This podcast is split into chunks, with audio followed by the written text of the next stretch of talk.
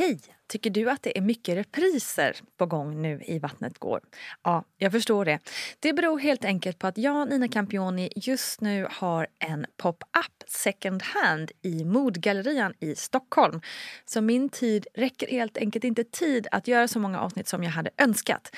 Men tills jag är tillbaka på full tid, kom gärna och hälsa på mig i Modgallerian. Vi ses! Hej och välkommen kära lyssnare till ännu ett avsnitt av den omåttligt Ja, men det tycker jag ändå man får säga. Ni vet att om man inte säger det själv så blir det liksom aldrig av. Omåttligt populära podcasten Vattnet går med mig Nina Campioni. Eh, podden handlar om, för den som inte vet, om graviditet och förlossning. Och jag möter här kända och okända föräldrar som berättar om deras väg till föräldraskap helt enkelt. I just det här avsnittet så träffar vi en riktig frögurka. Ja, hon kallar sig så själv, nämligen Ann Söderlund. Ann har alldeles precis nyss faktiskt fött sin femte son, för hon får nämligen bara söner den där Ann. Vi kommer att prata mer om det i eh, det här programmet. Ann känner du säkert till som poddare, bloggare, skribent och programledare bland mycket annat. En människa med mycket och härlig energi på alla, alla sätt. Och den tredje rösten som ni kommer höra i programmet är ju såklart ingen mindre än barnmorska Gudrun Abascal. Så, jag tror att det var allt. Jag tycker att vi kör helt enkelt. Här kommer Ann Söderlund. Here's a cool fact. A crocodile can't stick out its tongue. Another cool fact, you can get short-term health insurance for a month or just under a year in some states. United Healthcare short term insurance plans are designed for people who are between jobs, coming off their parents' plan, or turning a side hustle into a full time gig. Underwritten by Golden Rule Insurance Company, they offer flexible, budget friendly coverage with access to a nationwide network of doctors and hospitals. Get more cool facts about United Healthcare short term plans at uh1.com. Quality sleep is essential. That's why the Sleep Number Smart Bed is designed for your ever evolving sleep needs. Need a bed that's firmer or softer on either side? helps you sleep at a comfortable temperature? Sleep Number smart beds let you individualize your comfort so you sleep better together. JD Power ranks Sleep Number number 1 in customer satisfaction with mattresses purchased in-store. And now, save 50% on the Sleep Number limited edition Smart Bed for a limited time. For JD Power 2023 award information, visit jdpower.com/awards. Only at a Sleep Number store or sleepnumber.com. Ever catch yourself eating the same flavorless dinner three days in a row? Dreaming of something better? Well, HelloFresh is your guilt-free dream come true, baby. It's me, Kiki Palmer. Let's wake up those taste buds with hot, juicy pecan-crusted chicken or garlic butter shrimp scampi. Mm. Hello Fresh. Stop dreaming of all the delicious possibilities and dig in at HelloFresh.com. Let's get this dinner party started. Hey, it's Ryan Reynolds, and I'm here with Keith, co star of my upcoming film, If, only in theaters, May 17th. Do you want to tell people the big news? All right, I'll do it. Sign up now and you'll get unlimited for $15 a month in six months of Paramount Plus Essential Plan on us. Mintmobile.com slash switch. Upfront payment of $45 equivalent to $15 per month. Unlimited over 40 gigabytes per month. Face lower speeds. Videos at 480p. Active Mint customers by 531.24 get six months of Paramount Plus Essential Plan. Auto renews after six months. Offer ends May 31st, 2024. Separate Paramount Plus registration required. Terms and conditions apply if rated PG. Är jag fördomsfull om, det, om jag säger att det känns som att du har lätt för att gravid, bli gravid? Frögurka är det många som säger. Ja. Nej, men det har gått i rakt nedstigande led från min mor, salig mm. mor. Det har varit väldigt lätt för oss att bli gravida. Det här är ju också, tycker jag, en ganska känsligt erkännande. Mm. Just för att när man blir så enkelt gravid så har man ju inte riktigt kunnat sätta sig in i hur det inte skulle vara att vara liksom en frögurka. Så har man kompisar som har hållit på i åratal eller det blir ingenting så blir det missfall. Jag kan faktiskt inte riktigt tänka mig hur det skulle vara Nej, om jag inte är så lätt blir gravid. För att jag eh, gjorde ju en abort innan jag eh, blev gravid med mitt första barn. För vi var så rädda båda två, särskilt den blivande pappan. Och det var så himla, allt skulle gå så snabbt. Och det var väldigt sån här, tidig, sju veckors, om man nu får kalla det för det. Eh, och då sen fick vi ångest, ångrade oss som så många gör. Så, Gud, vi måste kompensera det här och vi, eh, det här var inte rätt. Och då tog det kanske ett par månader Och då var jag så här, men gud, nu är det något som är fel. Och det tycker jag är väldigt så här, signifikant för förstagångsföderskor. Att man tror att någon ska titta på en och så blir man gravid. Och så funkar det inte första gången så är det så här, men gud, det är något fel. Och så blir man besatt. Ja, ja, gud ja. Ja. ja. speciellt om man då också varit gravid en gång och kanske tagit bort det och sen bara nej, jag försatte min chans eller ja, hela det tankemönstret. Men sen så samtidigt kan jag bli så förvånad över att det pratas så lite om att fertiliteten verkligen så stupar neråt efter 35. Så jag har jättemånga kompisar som är så här 38-39 och säger men ja, jag tänkte nog vänta ett år eller två. Så tänkte jag, men gud är du galen? Eh, Jag har lite kompisar som har varit och kollat sina ägg och de var så fina och det var så fräscht och det har inte varit några problem. Och sen när de ska sätta igång ett år senare då är äggen liksom superkackiga. Ja. Det är just det där som jag tycker är så konstigt att inte fler känner till, att det kan gå så himla snabbt. Och då blir det liksom IVF och kanske här donationer och hit och dit och då blir det en helt annan grej. Men jag tror att många också så här, har en stark tilltro till romantiken. Att romantiken ska göra så att man blir med barn. Ja. Så här, men gud vi är så kära och vi vill att det ska ske naturligt. Och, eh, vi ger ett tag till och lite sådär. Och sen så går åren. Så jag har en kompis nu som sa så här, nu får du ta och ge dig. Liksom in och kolla äggen, boka tid för IVF. Så här, du blir inte yngre. Tänk om det inte blir någonting för att du tror så himla starkt på att det ska bli någonting av kärlek.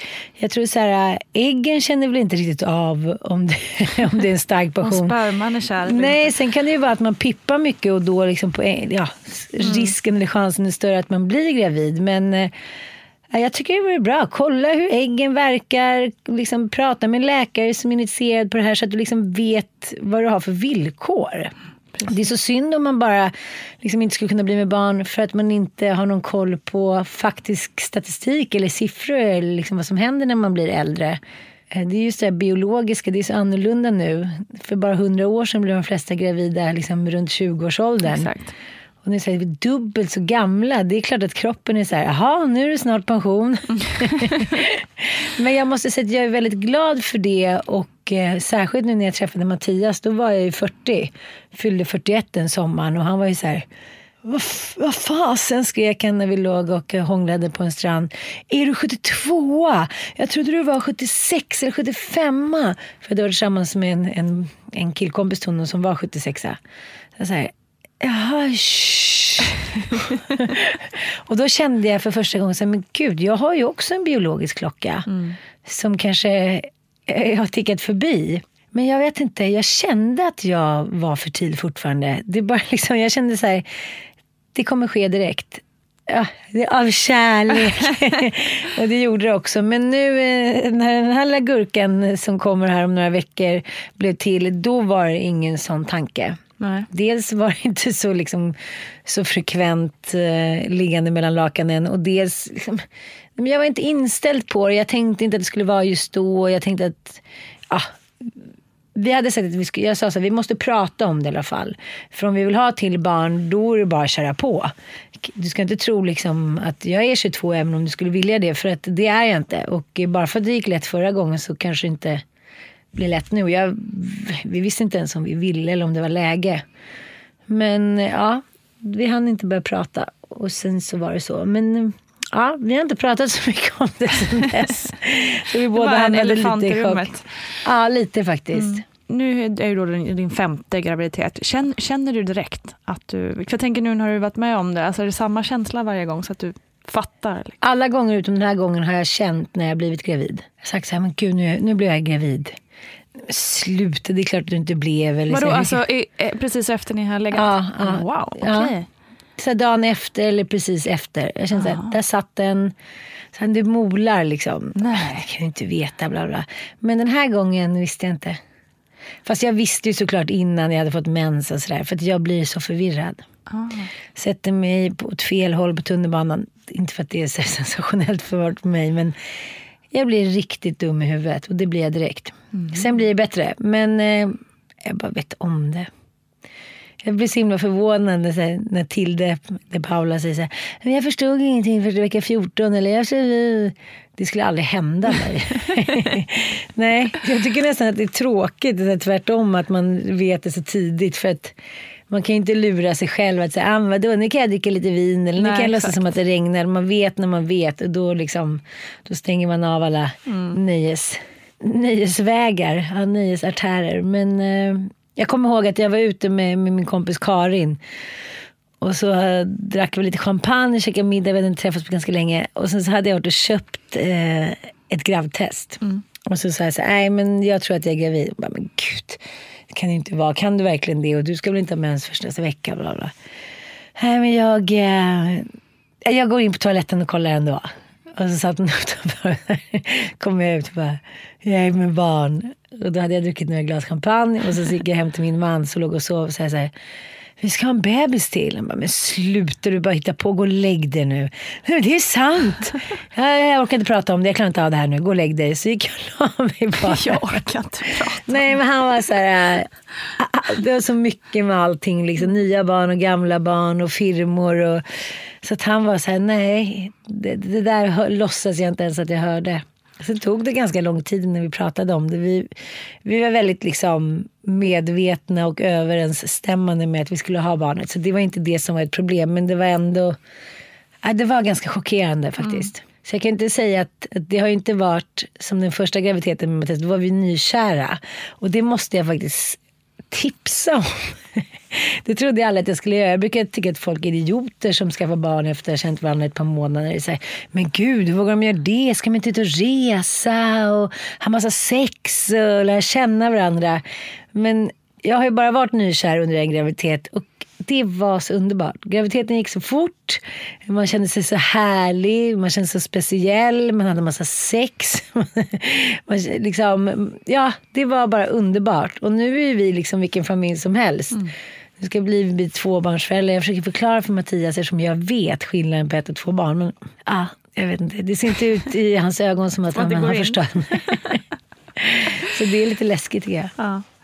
Men du, om, om du så ser tillbaka på det är så här 20, i början av 20, när du är 20 år till exempel, skulle du, kunde du redan då känna att du ville ha många barn och kanske fem barn? Nej, gud nej. Jag trodde att jag kanske skulle få ett barn.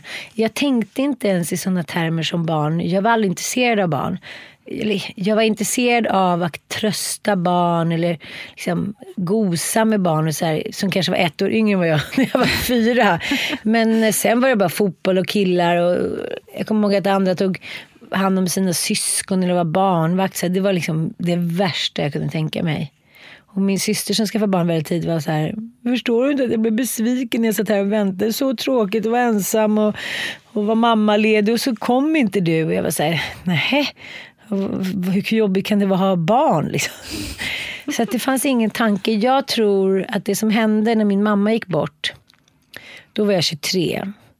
Sen var jag så vilse i så många år. Så att jag tror att när jag sen blev gravid så var det en sån lättnad för mig att på något sätt känna att så här, ja, det här var i alla fall en mening med allting. Nu hade min mamma gått bort och vår familj hade splittrats.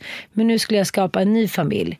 Så att jag tror tillsammans med då min frögurkeverksamhet och eh, rädslan över att kanske förlora någon igen så har jag liksom på något sätt så här, täckt upp. Mm. Att försvinner en så finns det liksom någon kvar. Allt sånt där är ju såklart undermedvetet. Men det är väldigt härligt att vara mamma också. Även fast jag tycker att det är, så här, det är en ojämn kamp. Ibland känner man sig som liksom fucking liksom Florence Nightingale och ibland känner man sig som nej, vad heter hon? tomtemamman på julafton som står och röker och bara du vet, är skäggig och tjock och dålig morsa. Så att, eh, jag tycker det är svårt och samtidigt alldeles, alldeles underbart. Och eh, jag känner mig så otroligt mycket lugnare och starkare nu med sladdisen än vad man gjorde i början. Det är kul att se första gångsföderskor och sådär, hur de tror att allting ska vara så perfekt. och De är så rädda. Han ramlade ner, han kommer aldrig mer liksom kunna gå. Och tänk om man fick i sig det där. Och det, man har ju varit där själv, men nu känner man sig så ändligt cool. Och det tror jag smittar av sig på barnet. Sen vet jag inte, Bobban eller Bobo är ju liksom absolut lättaste barnet jag någonsin har träffat i hela mitt liv. Han är, ja, han är så som att han har levt hundra liv innan och tagit reda på så här, hur ska man bete sig för att liksom äga sitt eget liv. Och så är han vid två års ålder. Så jag säger det till Mattias också, du får inte tro att det är så här.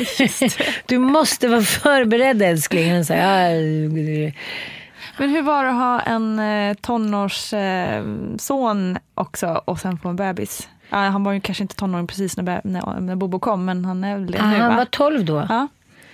Svårt. Ja. Jättesvårt. Och jag kan se också att han kanske gjorde någon form av revolution eh, för att visa mig någonting. Samtidigt som att alla tre brorsorna var överlyckliga över den här lille killen och mm. är det fortfarande på ett helt märkligt sätt. Jag tänker att de ska tröttna men det gör de aldrig det som händer tror jag är att man går in i småbarnsstadiet igen. Och det är så otroligt intensivt. Och jag pratade med någon häromdagen som var så här, men gud det är så jobbigt här och mina tonårsbarn de, eh, de kanske känner att vi älskar den här lille mer, den är så gullig och den får så mycket uppmärksamhet. Men, men jag försöker att det inte ska vara så. Men det är ju helt omöjligt att värja sig mot de här små ett och tvååringarna som bara går omkring och sprätter och så här, älskar världen och pussar och klappar på en. Så jag tycker att det har varit svårt att hinna med liksom båda världarna. För en tonårings värld är ju helt plötsligt så himla stor. Mm. Och den är så mäktig och den är så läskig och liksom svårintagbar. Samtidigt som man gör allt för att liksom inta den. Och samtidigt så är jag i någon babybubbla. Så att, eh, jag har, försöker hitta någon form av lösning. Men det är inte helt lätt. Nej, alltså det, det, det, var min spontana tanke också. Att först tänkte jag vad härligt för att de är så stora och liksom mm. klarar sig själva. Men samtidigt så är det ju sån jättekänslig ålder. Liksom. Det har varit lättare med dem. De var ju då 8, 10 och 12 när Bobban föddes. Mm. 8 och 10-åringen tycker jag fortfarande att det har varit lättare med. För de har fortfarande varit barn som har fått en lillebror som också är ett barn.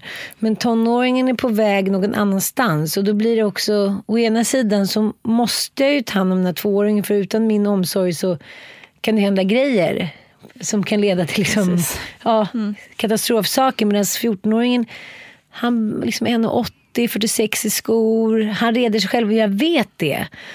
Och det är där som jag tycker att balansen är så svår. Att jag kanske låter honom jag kanske låter honom gå över vuxenhetsgränser som jag inte hade gjort om jag inte hade haft Bobban. Mm. Men jag, jag klurar på det och nu håller jag på att läsa en bok.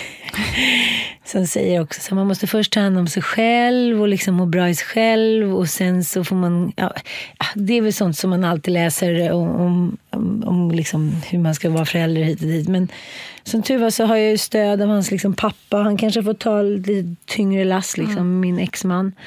Jag tror också att man som tonåring utnyttjar det där lite. Det är så här, ja men nu är mamma med liksom lillebrorsan och då kan jag passa på att be om pengar eller någonting. Man, man är inte riktigt med. Nej, man hinner inte med. Så det är så här, det är lite som, vad heter han, Al Bundy, mm. den där mm. trailern. När så här, först kommer frun, sen kommer barnen, sen kommer hunden. Och han bara liksom ger så pengar per automatik. Lite så känner jag mig.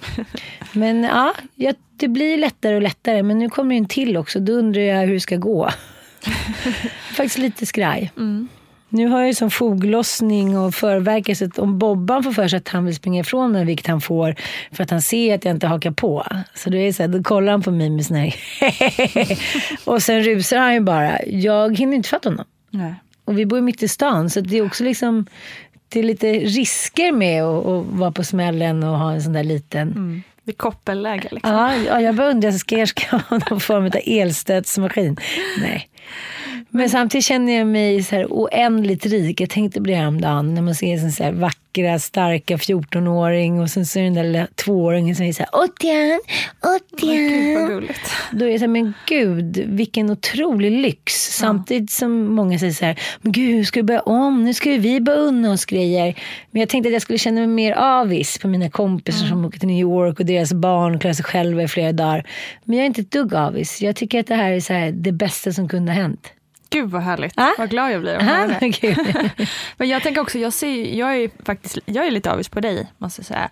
Just för att jag har också så gått in i någon slags eh, så Kardashian, eh, att jag tycker att det verkar helt utopiskt. Så här, ha massa, massa, massa barn och speciellt när de blir lite äldre. Bara, hur kul har inte de ihop liksom? Ah. Så jävla roligt. Men det där tycker jag också är så himla slumpartat. Som man tar till exempel min familj, eftersom min mamma dog då helt oväntat, då splittrades ju vår familj.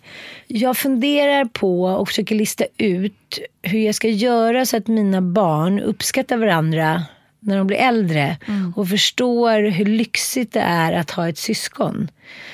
Eh, jag måste också kunna förbereda dem för att om det händer någonting med eller deras pappa eller liknande, att de inte liksom får splittras utan de måste enas. Mm.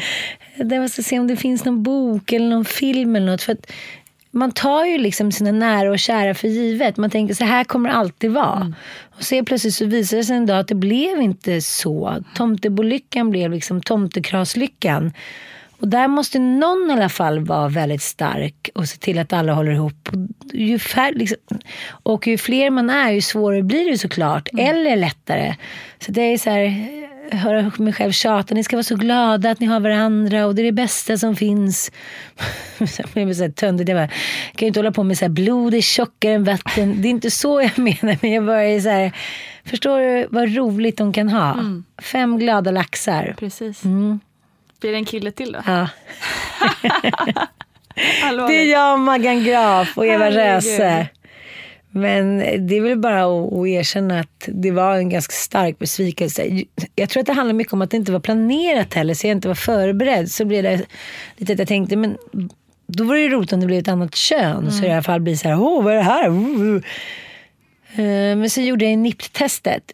Och då, då tar man blodprov och då får man ju i krysset om det är kille tjej. Men så var det inte min barnmorska som svarade utan det var hennes kollega som var såhär, grattis det blir en pojke. Hon visste mm, ju inte. Hon att... visste inte din story. Så. Nej, och jag var så här, okej okay, jag måste lägga på nu. jag satt och gjorde en intervju, kommer jag ihåg, med eh, Amelia just då och Sanna var med. Jag var så här, det var som att verkligen bokstavligen så här, blev frusen till is. Jag var så, mm. Ja, sen var jag faktiskt ganska deppig. Mm typ en vecka och var så här, det här är mitt sista barn. Okej, det blev ingen tjej. Jag ville ju helst ha massa killar, det fick jag ju. Men, men någon tjej. Tänkte så här, jag läste statistik och det var så 94 procents chans att man skulle få ett annat kön. Det var inte alls där som alla säger att ju fler man har av samma kön, allt där är alltid slumpen. Liksom. Mm. Och så tänkte jag så här, vad heter han, den italienska läkaren som kan köpa någon bok? Man ska ha sex innan, man ska basta, man ska, killen ska röka. Det finns ju massa sådana mm, tips. Som påverkar. Ja, mm. och som många säger har funkat för dem. Men jag vet inte vad som är liksom vad som hittar på, vad som är flyt eller vad det handlar om. Men jag tänkte så här, åh, att jag alltid ska vara så pang på rödbetan. Jag får ägglossning och då måste jag ligga så blir det en kille. Men samtidigt du är alldeles så, för kåt Ann. Ja, jag är alldeles för kåt. Men piloter och eh, så här är det. Piloter och dykare och män med svaga spermier får ju flickor. Mm. För att det är de mm. som överlever. Så det ligger väl någonting i det där. Mm. Men, men äh, jag hade säkert ändå inte fått någon flicka. Men det är ändå, ja, jag förstår att det blir en, besvikelse. Det är inte så konstigt. Nej, det är inte så konstigt. Och, jag var på någon föreläsning så var det så här, Ja, på ålderns höst så tar ju döttrarna hand om sina föräldrar och ser till att de kommer in på bra vårdhem. Pojkarna försvinner på ett annat sätt. Och, eller också kan jag se själv nu när jag ser mina tjejkompisar som har tonårsdöttrar. Ja, och la la la i Paris, han har skor. Ja, la la. Nu är inte jag kanske någon shopper. Men just att jag kommer ihåg hur kul det var för mig och min syrra och min mamma. Mm. Pappa var ju liksom bara en så här, jaha, ja men pappa han är med i alla fall, okej. Okay. Det var så himla systerligt. Mm. Och det tycker jag också är så roligt när man uh, umgås med tjejkompisar som har döttrar och käkar middag. Då sitter de med och är nyfikna, vill höra och ställer frågor och man får ögonkontakt. Oftast när jag och killarna ska käka, då har jag inte kommit ut till matsalen. Då är de klara och gått. Mm. Så här, jaha, mm, mm. Okej då, Bobo sitter kvar för han sitter fast i sin lilla stol. han kan inte rymma. Ja. Och alla säger, ska vi inte klippa honom? Nej, han ska ha långt hår. Men samtidigt så är det så här, att jag har ju träffat en ny man. Eh, alla barn är så himla olika. Det är ingenting jag sörjer. Men nu har jag för första gången i mitt liv känt så här, nu är det den sista. Mm. Dels biologiskt men dels för att känna så här, nej men nu orkar jag inte mer. Och jag tror att det är ännu svårare när man har skilt sig, även fast man har varannan vecka. Men när man nu får nya barn, då blir det så här, man ska ge 100 procent när ens tidigare liksom barn kommer. För att man ska kompensera och visa att minsann så orkar mamma vara en lika härlig mamma även fast ni har fått syskon. Och sen varannan vecka då, då ska man ha total fokus på sina nya små barn och mannen då som tycker att han ska kompenseras för förra veckan. Mm. Jag tycker det har varit liksom ganska utarmande. Det Svårt att hitta en balans i det. Mm. Väldigt utmanande. Säger jag som sitter med ett barn. Vi blir allt äldre innan vi blir med barn, kanske då till och med med första barnet. Är det bra eller dåligt för, ja, för samhället helt enkelt? Ja, för samhället, eh, om man ska vara kontroversiell så säga, tror jag inte att det är bra alls. För den enskilda kvinnan och föräldrarna så kanske det är väldigt bra. Därför att man idag kan styra sitt liv på ett annorlunda sätt. Man har kontroll över sitt barnafödande man hinner med det man har tänkt sig. Vi, vi går i skolan längre, vi, har, vi gör karriär tills vi är kanske 35. Och den karriären vet vi idag, även om det officiellt inte är så, så är det så att, att kvinnor får avstå för en del av sin, framförallt kvinnor får avstå en viss del av sin karriär om man kliver in i tidigt barnafödande. Så att, eh, ja, det där är ju väldigt dubbelt tycker jag. Men för samhället så, så tror jag att det är min känsla är inte bra. Tänk då att i, förr så födde man barn när man kanske var 20 och idag så så småningom så kommer vi vara 40 medel. Liksom. Och då vi förlorar en generation barn. Och det här också som eh, föräldrar, så att säga så kommer jag, om jag föder barn när jag är 40 så kommer jag att leva, leva en kortare tid med mina barn. Och även om vi lever längre så, att säga, så tror jag ändå, alltså för vi barn är 20 så har vi de här 20. Så att det här kan man filosofera hur mycket som helst om. Men generellt, så min känsla, det här är väldigt personligt, så skulle jag önska att kvinnor var yngre. Också med tanke på de komplikationer som man utsätter sig för när man väntar barn och föder barn när man är över 35 och närmar sig 40. Och jag tror också att man får inte de barn man kanske vill ha. Du skaffar ditt första barn när du är 40 så vet jag att sannolikheten på att inte få barn nummer två är mycket större. Så att det här kan vi diskutera hur mycket som helst eh, Min känsla är att eh, den yngre generationen eh, är lite sugnare på barn tidigare. Är det en, en korrekt uppfattning tycker du? Ser vi en trendförändring? Alltså, sugen är en sak och sen skaffa en annan tycker jag förstås. Man kan vara jättesugen men jag tror att det finns så mycket som styr det här ändå. Andra måste-saker och ha kontroll över situationen och pengar och alltihopa. Så att för mig är det en, en förnuftssida och en känslomässig sida. Och även om du, att du känslomässigt vill så kanske du skjuter på det ändå. Därför att förutsättningarna när du tänker efter rent konkret inte passar passar in. Så att, eh, och och tittar man på statistiken så ser det inte så ut. Så kan man säga rent, okej, okay, men så ser det inte ut. Utan tvärtom så ökar, ökar åldern för kvinnor.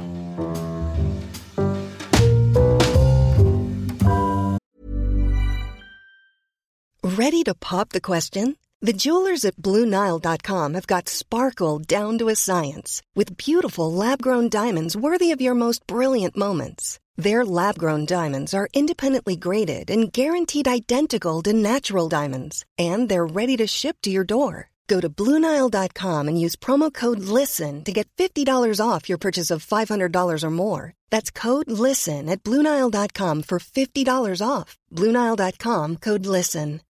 One size fits all seems like a good idea for clothes until you try them on. Same goes for healthcare. That's why United Healthcare offers flexible, budget friendly coverage for medical, vision, dental, and more. Learn more at uh1.com. Quality sleep is essential. That's why the Sleep Number Smart Bed is designed for your ever evolving sleep needs. Need a bed that's firmer or softer on either side? Helps you sleep at a comfortable temperature? Sleep Number Smart Beds let you individualize your comfort so you sleep better together. JD Power ranks Sleep Number number 1 in customer satisfaction with mattresses purchased in-store. And now, save 50% on the Sleep Number limited edition Smart Bed for a limited time. For JD Power 2023 award information, visit jdpower.com/awards. Only at a Sleep Number store or sleepnumber.com. Hey, it's Ryan Reynolds and I'm here with Keith, co-star of my upcoming film If, only in theaters May 17th. Do you want to tell people the big news? All right, I'll do. it. Sign up now and you'll get unlimited for $15 a month in six months of Paramount Plus Essential Plan on us. Mintmobile.com slash switch. Upfront payment of $45 equivalent to $15 per month. Unlimited over 40 gigabytes per month. Face lower speeds. Videos at 480p. Active Mint customers by 531.24 get six months of Paramount Plus Essential Plan. Auto renews after six months. Offer ends May 31st, 2024. Separate Paramount Plus registration required. Terms and conditions apply if rated PG. Hey, Dave. Yeah, Randy. Since we founded Bombus, we've always said our socks, underwear, and t shirts are super soft. Any new ideas? Maybe sublimely soft. Or disgustingly cozy? Wait, what? I got it. Bombus. Absurdly comfortable essentials for yourself And for those facing homelessness. because one purchased equals one donated. Wow, did we just write an ad? Yes. Bombas. Big comfort for everyone. Go to bombas.com slash ACAST and use code ACAST for 20% off your first purchase. Men du, om vi backar bandet lite så här. Eh, jag tänker att vi ska prata hur du är lite så här som gravid och så. Har du någon har du känt att du är ganska lik? Alltså har dina graviditeter varit ganska likadana eller sticker de ut åt höger och vänster? Nej, jag är nog ganska tråkig på det sättet. De har varit ganska lika tycker jag. Jag har haft ganska mycket energi i alla graviditeter. Tycker inte att det har blivit så himla mycket sämre med åren. Skillnaden är väl besattheten av själva graviditeten. Den, den har man ju bara första gången. Mm. Ja, kan ju sakna det där när man, allting är så stort och viktigt och allting blir sekundärt. Sen när tvåan kommer då blir det Ja men den får dyka upp. Man hinner ju inte gå in i det på samma sätt och det orkar man ju inte heller. Men, men eh, jag vet inte, jag har blivit på sämre humör tycker jag. I alla fall de här första tolv Mm. veckorna. Att jag har blivit mycket mer så här hormoniell och galen och fått utbrott och varit missnöjd och deprimerad och liksom ifrågasättande och sådär.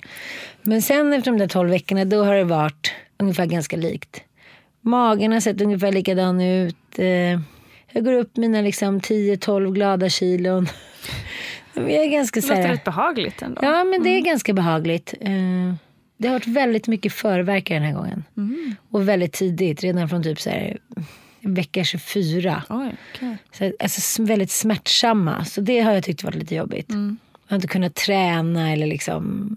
Så fort jag ska så här, gå snabbare än en snigel då så här, pff, får jag foglossning. Eh, Så man känner lite också, åh just ja, det måste jag säga. Trycket neråt. Ja, det förändras förstås. Det känns ju som att den är på halvvägs ute hela tiden. och det kan säkert ha många Obehagligt. förklaringar. Men jag pratade med min kompis Anna Lundell om det. Hon sa, "Ah, har aldrig känt, har aldrig känt. Det måste bero på att du liksom uttöjd. Jag bara, jaha. Nej, det känner jag ingenting. Men hon sa det eftersom hon rider ju väldigt mycket. Och eh, hon tror att det är därför hon då håller sig i form. Så jag vet inte vad det är. Men, men eh, att här, sätta sig ner på huk och knyta skorna. Eller, ja. Det. Och i morse när jag duschade kände jag så här, men gud vem ska hjälpa mig nu med att klippa tånaglar och kanske hålla någon form av styrsel i nedre regionerna. Jag bara kände så här, gud jag håller på att bli en apa och det kanske är lika bra. Jag tänkte faktiskt på vägen hit, ska, ska jag skriva typ som en pressrelease? Att nu tar jag ett steg tillbaka, nu blir jag en apa. Ja, men jag känner inte för att säga så här, Mattias du skulle inte kunna hjälpa mig med lite olika in, intima liksom, aktiviteter. Skulle kunna vara mig behjälplig. Nej, där går min gräns. Jag har flera vänner som har gjort det faktiskt. Jag, jag, jag, ja, jag tror inte jag hade gjort det Nej. heller faktiskt. Och det var likadant som en kompis till mig berättade att hennes kusin hade visat en film eh, där hon hade fött och då hade de eh, Alltså det här var tydligen en rörelse, att man samtidigt som man födde skulle bli sexuellt liksom Stimulerande. stimulerad. Så att suga på brösten och så att smeka. Jag vet inte riktigt. Men så att det bara skulle bli en positiv upplevelse. Och då visade hon filmer från nätet. Det var tydligen en rörelse. Jag vet inte vad det heter. Har du hört talas om Aldrig det? hört talas om. Jag bara kände så här, sista, så jag kom inte i närheten. Jag skulle trycka lite på bröstet igår och då jag kände så här, gud nu känns det som att råmjölken har kommit. Så bara. Nej. Ja, jag bara Inte så tänkte om du visste peppad. något om dem. Det var jag Nej, som inte hade någon koll. Det här måste jag ju kolla upp. Låter Ja, det måste du faktiskt göra, Kanske det- kan vi hitta en gäst som har varit Ja. med. Det här vore jäkligt Så spännande. spännande, ja. Ja, verkligen. Och verkligen. liksom funkar det ens?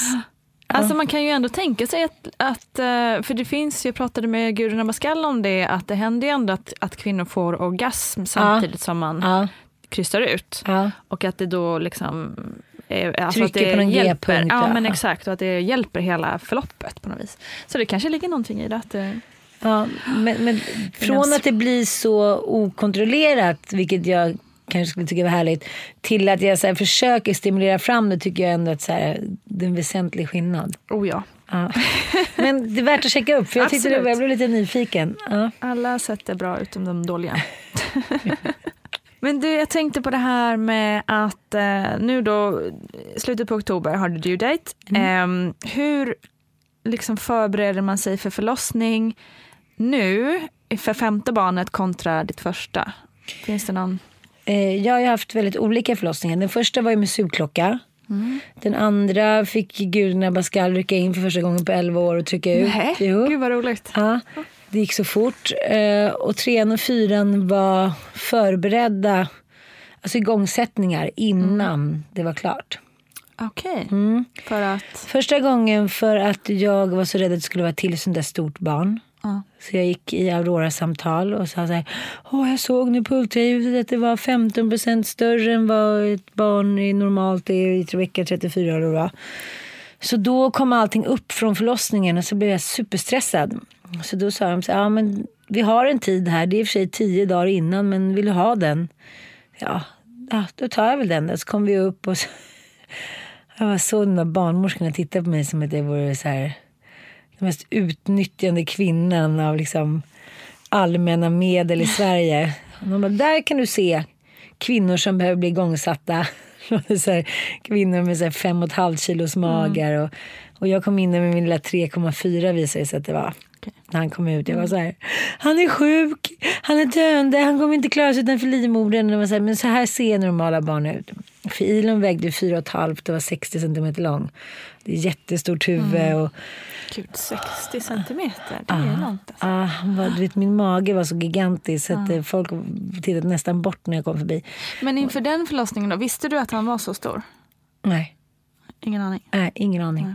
Samtidigt så hade jag en väldigt stor mage så det var inte att jag tänkte att det skulle bli ett litet barn. Men det var inget så här, åh han väger över fyra kilo eller jag hade inte fått någon sån information.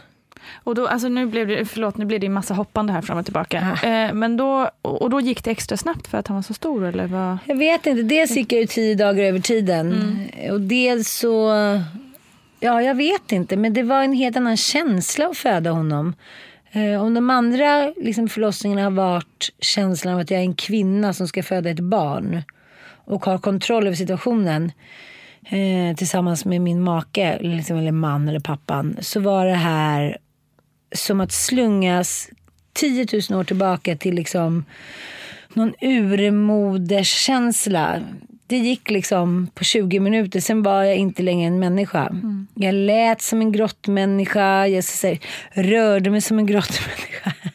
Alltså jag har aldrig varit med om något liknande. Det var som att kroppen bara så här, tog över. Så för att skydda mig mot vad som komma skulle så var det som att kroppens egna endorfiner och liksom ska man säga skyddsnät gjorde att jag jag kände mig inte längre som en människa med kontroll utan jag följde bara med. Eh, Jag förlorade helt liksom den så instinktiva känslan av att jag skulle vara en kontrollerad modern människa. Jag, nej, jag, jag förvandlades till ett urdjur, vilket var jättekonstigt. Sen gick det på 40 minuter så det, det gick ju snabbt. Men jag, jag höll på att förblöda för efteråt så gick ju inte livmodern tillbaka. Och det var ingen som märkte. Oj, Så de gick ut ur rummet och jag låg kvar och sen så kom min dåvarande in och sa så här. Men gud, hela golvet är fullt av blod. Gud vad läskigt. Ja, så då fick de ta massa sprutor och jag fick extra blod. Och, Men då var jag inte så stark. Han Nej, sög ur mig den där stackars ungen. Så en sak som jag skulle vilja påpeka för er som har fött barn eller råkat ut kanske för ja, förlorat blod eller sånt här. Skaffa er en bra läkare eller barnmorska som säger åt er att så här, nu måste ni göra ditten och datten. För att jag kom tillbaka efter sju månader. Jag var så urlakad. Jag vägde ingenting och den där ungen bara åt och åt och åt. Och han sa så här, men herregud, har du inte börjat ge den här ungen mat eller ersättning? Men jag var liksom så urlake, kan man säga så? Jag, jag, hade, jag hade ingen ork eller energi kvar. Jag var liksom uppäten, har mitt barn och nästan hade förblödit. Så jag tittade på honom med mina dimmiga, slutna ögon. Så här, det har jag inte ens tänkt på. Mm. Vi kanske kan försöka vara lite syssliga där mot varandra. Att påminna varandra. Så här, är det här, mm. No offense, eftersom det är väldigt känsligt det här med barn och mat och allt vad det handlar om. Men att man kanske ska hålla lite koll på sina medsystrar. Mm, för, för, ibland kan man ju bara göra en massa märkliga saker utan att man vet att det är märkligt. Där hade jag behövt att någon hade sagt till mig, nu har du fått ett väldigt stort barn. Eh, jag tror inte att du kommer klara av att liksom ge honom det han behöver. Så börja genast med ersättning, att man hade fått mm. lite feedback. Mm. För det är ingenting som man kan räkna ut med lilltån. Alla är inte sådana typer av människor. Verkligen. Och det pushas ju också alltid för att man eh, ska amma och att det är det enda barnet behöver. Aha. Så det är väldigt svårt att veta liksom, alternativen då. Precis, precis. Verkligen bra poäng att ja. hjälpas åt allihopa. Mm. Men du, och sen blev du gravid igen och då kände du att du behövde gå på Aurora-samtal? Mm. Jag kände inte det förrän jag eh, fick någon liten sån här panikångestattack när jag eh, såg det på den här kurvan att barnet var lite större. Mm. Men det var ju bara procentuellt. Det hade ju ingenting med saken att göra. Där kunde man också ha lugnat mig. Men då fick jag gå och prata med någon. Jag tror bara jag pratade med henne en gång och sa så här. Gud, jag är livrädd att det ska gå så här fort igen och jag ska förlora kontrollen. Och mitt ex var ju inte heller så här. Han förlorade också kontrollen. Han tänkte att det här kommer ta massa timmar och sen så plötsligt var jag bara förvandlad till ett urtidsdjur. Det var väl lite läskigt. Mm, mm. Så då så bad jag om att få bli kontrollerat igångsatt och det fick jag. Och det blev jag även med Bobo. Men och var det av samma anledning eller? Nej, det var massa olika anledningar. Att jag eh, hade så dålig kontakt med mitt ex. Så jag inte visste vad barnen skulle vara. Och det, mm. det, var, det var massa personliga grejer faktiskt. Mm. Som jag kände så här Nej, jag ska fråga om jag får bli det igen. Jag måste ha kontroll över situationen. Men den här gången vill jag inte det. Så jag försöker förklara för Mattias, som walk in the park hela tiden, att vi åkte dit. Tre timmar senare var han ute lite, ja men du vet, mm. han hann iväg och hämta popcorn. Så, här, så nu är det klart älskling. Jag tog lite lustgas, hojtade lite och sen kom det där A-barnet ut med så här, lång frisyr och så här, skrattade och log ungefär. Han var så här, wow, det här är verkligen underbart. Det här är hur lätt ja, som helst. Sen åkte vi hem. Så jag sa så här att nu måste du vara beredd. Inte liksom börja liksom fibbla eller, utan så här, hämta bilen eller taxi och så åker vi för annars kommer du få förlösa det här barnet. Han verkar inte... Jag tror inte han förstår fara och färd. En killkompis till mig berättade om, om sin förlossning häromdagen när hans fru hade fött och deras tredje barn och de hann inte. Och eh, de hade väldigt små barn som tyckte att det var jättespännande. Vad hände inne i sovrummet? Och mm. så, så här, jag stod liksom i luren med förlossningsläkaren liksom i ena handen. Benet för dörren så att liksom småtjejerna inte skulle komma in. Och tredje handen försökte jag förlösa min fru som låg och skrek så här, jag dör, jag dör. så jag, jag har lite den målbilden framför mig att det mm. kanske blir så. Kaoset. Ja. Men du, inte för att gå in på det privata, men när du bad om att få bli igångsatt igen då med Bobo, var det, ja. några liksom, alltså var det svårt att få, få, få tid för en sån grej? Eller var det bara att säga ja tack och så får man det? Nej, jag vet inte om det är olika, men eh, jag ansåg inte att det var några problem. Nej, vad skönt. Ja. Men. Eh, jag vet inte, det är också kanske för att man har varit på samma ställe, man känner de som jobbar där. Ja, du har ju klippkort. ja, man kanske säger stackarn, låt henne komma in. Den så kallade gravidhjärnan, är det liksom ett rent vetenskapligt begrepp? Alltså, är det ett tillstånd, kan man säga det? Alltså, jag kan bli lite provocerad av frågan, det här med gravidhjärnan, om man pratar om det här med mjölk i brösten och gröt i huvudet och så. Alltså jag, för mig är det lite så här, nej, jag ställer inte upp på det. Men jag, om man tittar på den hormonella utvecklingen som är trots allt under tiden som man väntar barn, så, så vet vi ju att det påverkar vårt sätt att tänka och att agera och så vidare. Så. Men jag skulle inte vilja Alltså jag skulle vilja säga att det är ett normaltillstånd och det ska vara så. Och, och, man ska vara glad för att det blir så, att man kanske tänker lite annorlunda. Ser det som en fördel och inte som man idag ser som ja, ja, ja, nu väntar vi barn och då tänker man konstigt. Det, det tar jag som en förolämpning. Eh, det finns ju de som säger att eh, man ska använda en speciell ställning när man har sex för att man vill ha en pojke och så vidare. Finns det något belägg för sådana saker? Nej, det finns ju ingen som helst vetenskap bakom det. Och det finns ju hur många myter som helst om det här om man vill ha en pojke eller flicka och hur man styr könet. Alltså det enda som jag rent med förnuftet kan, kan acceptera som man säger, om man vill ha en pojke eller flicka så finns det det här att man vet att spermier, de är väldigt mycket kvickare liksom att nå ägget. Manliga spermier är kvickare att, att nå ägget. Medan de kvinnliga är lite långsammare, men de lever längre. Så att om man nu ska planera för och, det känns också lite obekvämt att tänka så för mig som barnmorska, att man ska hålla på och välja kön. Jag måste få säga så. Men i alla fall, och då säger man att då ska man egentligen då ha, ändå ha samlag kanske två dagar före att ägget lossar. För då får ju spermierna hålla på ganska länge och då dör de manliga spermierna och så överlever de kvinnliga och så når de ägget och på det viset så ska det bli en flicka. Ing, alltså, det finns ingen evidens för det, men det är väl den teorin som man har idag som man går ut med om man nu ska prata lite. Men ingen vetenskap, ingenting, utan det är bara vad jag har hört.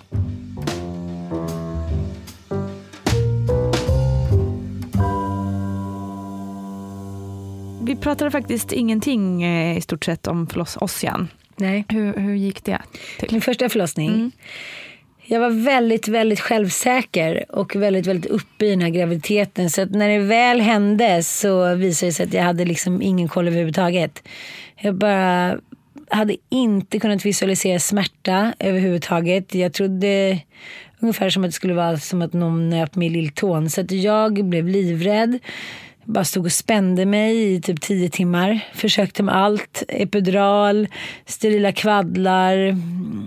Nej, det gick liksom... Det blev inget bra. Det tog väldigt, väldigt lång tid för mig att öppna mig. Och sen så när jag väl skulle krysta ut honom då, då fick jag inte ut honom. Mm. Alltså jag hade ingen ork kvar. Så då... Eh, jag vet inte, kommer inte ens ihåg vad det var jag fick. Men jag, i alla fall så fick jag sova ett par timmar. Eh, om jag fick några vad kan jag ha fått? Kommer inte ihåg. Något som lugnade ner det ja, hela då? Liksom. Ja, precis. Mm. Som gjorde så att det stannade av. Eh, mm. Så då sov jag några timmar och så vaknade jag och så kom jag ihåg att jag sa till min dåvarande så här, du måste hjälpa mig. Jag har hundratusen på bankkontot. Du får säga till läkaren för jag dör.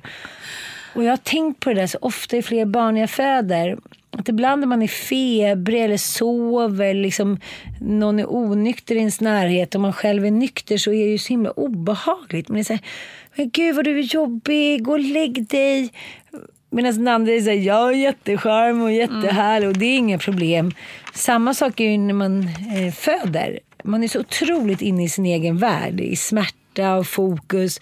Medan den andra stackars människan är precis som att du och jag sitter här nu. Mm tänkt så att man kanske måste vara lite så här, mer accepterande och snäll mot sin partner. För man, man tänker sig, fattar han inte hur ont det gör? Nej, hur ska han kunna Nej. göra det liksom? Eh, men det som hände var då att när jag skulle krysta och till slut var det så att ingen visste riktigt vad vi skulle ta oss till för att han kom inte ut. Och jag kommer ihåg en av barnmorskorna sa så här, nej jag vet faktiskt inte hur vi ska göra nu. Åh gud vad ja, jobbigt att höra. Mm, riktigt jobbigt. Men eh, mm, det fick hon en litet samtal om efter att jag så jag var så här, men jag vet inte heller. Men till slut var det så här, äh, det går inte. Antingen får vi ta kejsarsnitt eller också så uh, försöker vi med sugklocka. Så då kom han ut med sugklocka. Jag var så borta då, men det kändes ändå så som att jag blev våldtagen av en robot. Så här. Det var ah. inte så skönt. det låter väldigt obehagligt. Mm. Det är väldigt obehagligt. Alltså. Det, är som en, mm. ja, det är ju en stor metallklocka som förs upp i muttan på en. Och man, det är inte så att man känner sig... sig ja, den är ju ganska trött då efter man har mm. försökt föda 25 timmar.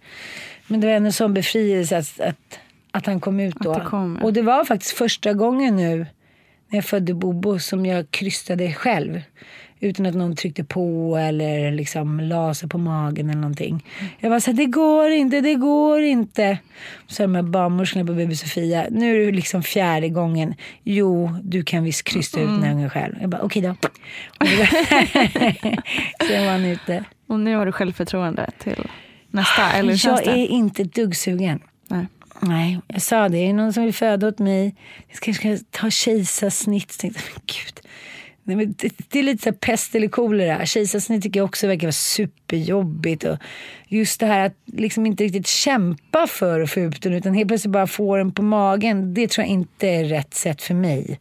Inte den här gången i alla fall. Så att, eh, så att jag både längtar efter att det ska ske och tycker så här, men det kan ta ett tag till.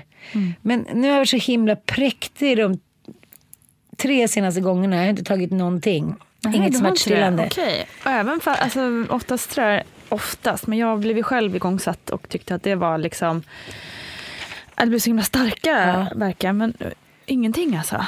Nej, jag vet inte. Det har bara inte blivit så. Och sist så ville jag verkligen ha, men då sa läkaren att nu är du uppe 9,5 centimeter, nu är det liksom för sent. Mm. Men det är som du säger att verkarna, särskilt den här gången, alltså det är som man ser på den där kurvan. Man tänker så här, hur är det ens möjligt att man kan liksom slå i taket?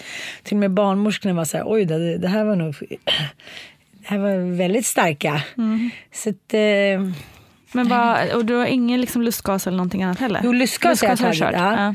Eh, som en galning. Men jag vet inte. Men den här gången ska jag bara säga så fort jag kommer in, om jag hinner. Att så epidural tack. Gas me up. Ja, mm. varför inte? Jag, varför inte? Nej, jag bara tänker så varför ska man vara så tapper? Men det har inte varit något medvetet. Det har bara blivit så mm. lite grann. Och jag vet inte om det har varit någon skillnad på barnen, om de kommit ut, om de har varit med omtöcknade hit och dit. Jag, jag tänker så här, den här gången vill jag inte lida. Tycker jag låter vettigt mm. tycker jag. Får man, kan man få ett femte barn så kan man väl få det lite härligt. Jo men jag tycker att det finns lite någon sån här, jag vet inte, någon rådande hets om att även där ska det ske och allting ska vara så himla naturligt och dit. Jo men vi lever i en värld som inte är naturlig. Varför ska allting vara så naturligt när man föder barn då? Alltså utvecklingen har ju varit att för 150 år sedan i kriget då fick man en amputerad arm med en liksom viskutrasa i munnen. Det är ju jättenaturligt. Men idag så vet ju alla att det finns liksom bedövningsmedel och narkos och så här. Det är ingen som skulle tacka nej till det för att det är inte naturligt. Nej. Så jag är lite så här Agnes Wold-aktig där. Alltså att det är så här, ha men ta, all, ta allt mm. du kan få. Bara du liksom slipper så himla mycket smärta. Håller helt med ja, på den Nu har jag inte punkten. gjort det själv så jag kan inte, jag kan inte förespråka det men nu ska jag, tänkte jag göra det. kommer jag väl inte hinna vara för Du ska få en whiskyflaska med istället. en, en pinne. ja. Men vad skulle du vilja säga till eh, den som eh, Ja men kanske, för jag brukar be någon, alltså be lite om råd till personer där ute som kanske går igenom lite liknande historier som den man precis har berättat. Ehm, så i ditt fall blir det väl kanske då råd till den som, som kanske redan har ganska många barn men, men funderar på fler.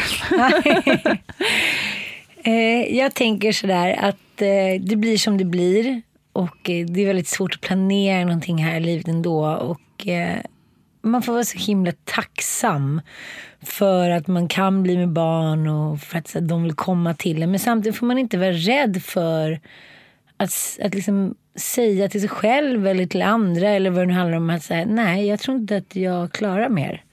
Jag tror att det är så här, för det finns ju en nivå som man vill hålla som förälder tycker jag. Sen så av olika anledningar så går det inte alltid att hålla den. Men, men för mig nu känns det som när det här blir mitt femte barn så blir det liksom att jag får försöka hoppas på en median som är acceptabel. Tänkte på det här om veckan när jag hade haft alla barnen och var ensam. Så tänkte jag, ja, men jag var kanske 60% bra mamma till Dante, 80% bra mamma till Ilon. Alltså, och tillsammans blev det ungefär 75 procent och det får vara godkänt. Det finns ett uttryck som heter good, good enough mom. Mm -hmm. Det skulle jag vilja skrota totalt. Jag tycker att vi alla ska liksom sträva efter att bli liksom more than good enough parents hela tiden. Men att man också får så här, vara ursäktande mot sig själv. Att i vissa perioder, som nu, nu är jag så trött så att jag börjar så här Okej, okay, de blev mutade med kebabrullar och biopengar och wakeboards och spelgrejer. Så här, bara klara mig ett tag till eh, så blir allt bra. Att, här, inte hålla på och skuldbelägga sig själv med saker som inte är viktiga. Viktiga är liksom att de ska känna kärlek, rättvisa, inte bli slagna eller liksom hamna i orättvisa eller misär. Alltså sådana stora fundamentala grejer. Skuldkänslor ska man inte få av att man så här, köper hem till mat eller kanske barnen går i så här, för korta byxor till skolan en dag eller inte få vara med på sociala begivenheter dygnet runt. Sånt som jag alltid haft skuldkänslor för. Att inte så här, gud nu har jag inte bakat och nu har jag inte gjort det och hit och dit. Där tycker jag man kan vara schysst mot sig själv. Liksom.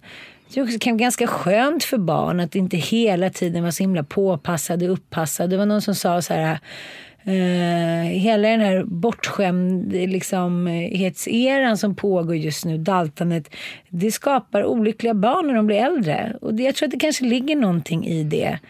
Eh, samtidigt så tycker jag att ibland så har man inte rätt verktyg just då för att vara liksom, den perfekta föräldern. Då får man försöka åtgärda det sen. Men det går inte att vara liksom 100% hela tiden. Mycket bra sagt tycker jag. Ja. Jag skriver under på precis allt mm. du sa. Jag är jätteglad att du ville komma hit. Ja. Tack så hemskt mycket. Tack, jag är så törstig hela tiden. Jag är som en kamel. Man ska dricka så mycket vatten. Och sen så ett annat tips tycker jag också. Det är, det är nästan ännu viktigare när man får det här tredje, fjärde och femte barnet att vara liksom lite hård. Eh, liksom känslan av behov, sin egen behovstrappa.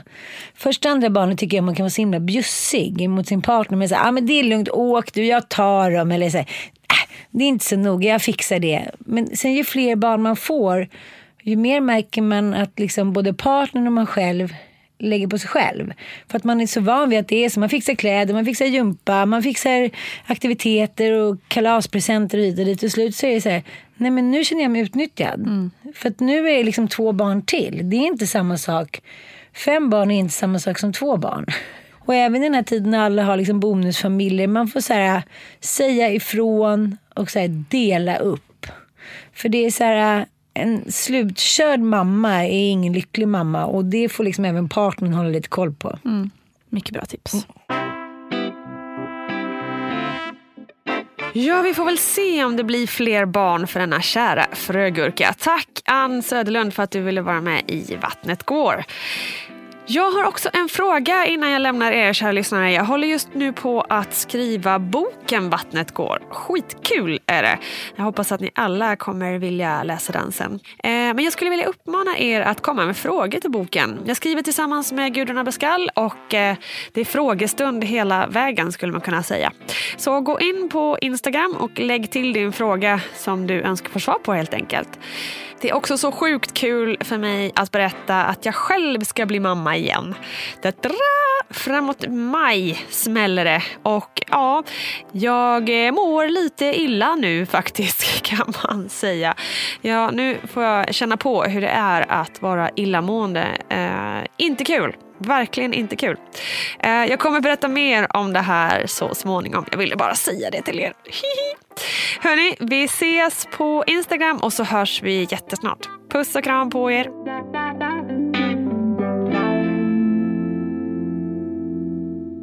Producerat av Perfect Day Media.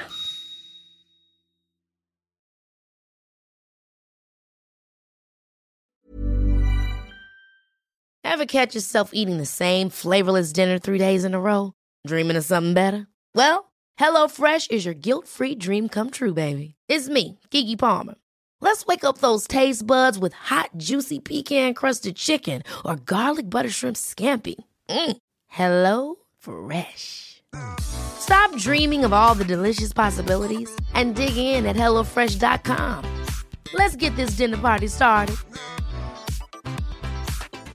Hi, I'm Daniel, founder of Pretty Litter. Did you know cats tend to hide symptoms of sickness and pain? I learned this the hard way after losing my cat, Gingy. So I created Pretty Litter, a health monitoring litter that helps detect early signs of illness by changing colors, saving you money and potentially your cat's life. Pretty Litter is veterinarian developed, and it's the easiest way to keep tabs on your fur baby's health right at home. Go to prettylitter.com and use code ACAST for 20% off your first order and a free cat toy. Terms and conditions apply. See site for details.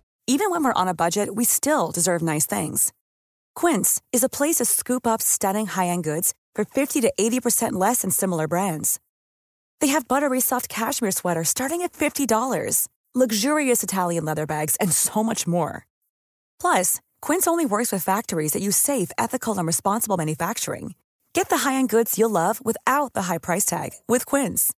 Go to quince.com slash style for free shipping and 365-day returns. Imagine the softest sheets you've ever felt. Now imagine them getting even softer over time. That's what you'll feel with Bowl and Branch's organic cotton sheets. In a recent customer survey, 96% replied that Bowl and Branch sheets get softer with every wash. Start getting your best night's sleep in these sheets that get softer and softer for years to come. Try their sheets with a 30-night guarantee. Plus, get 15% off your first order at bowlandbranch.com. Code BUTTERY. Exclusions apply. See site for details.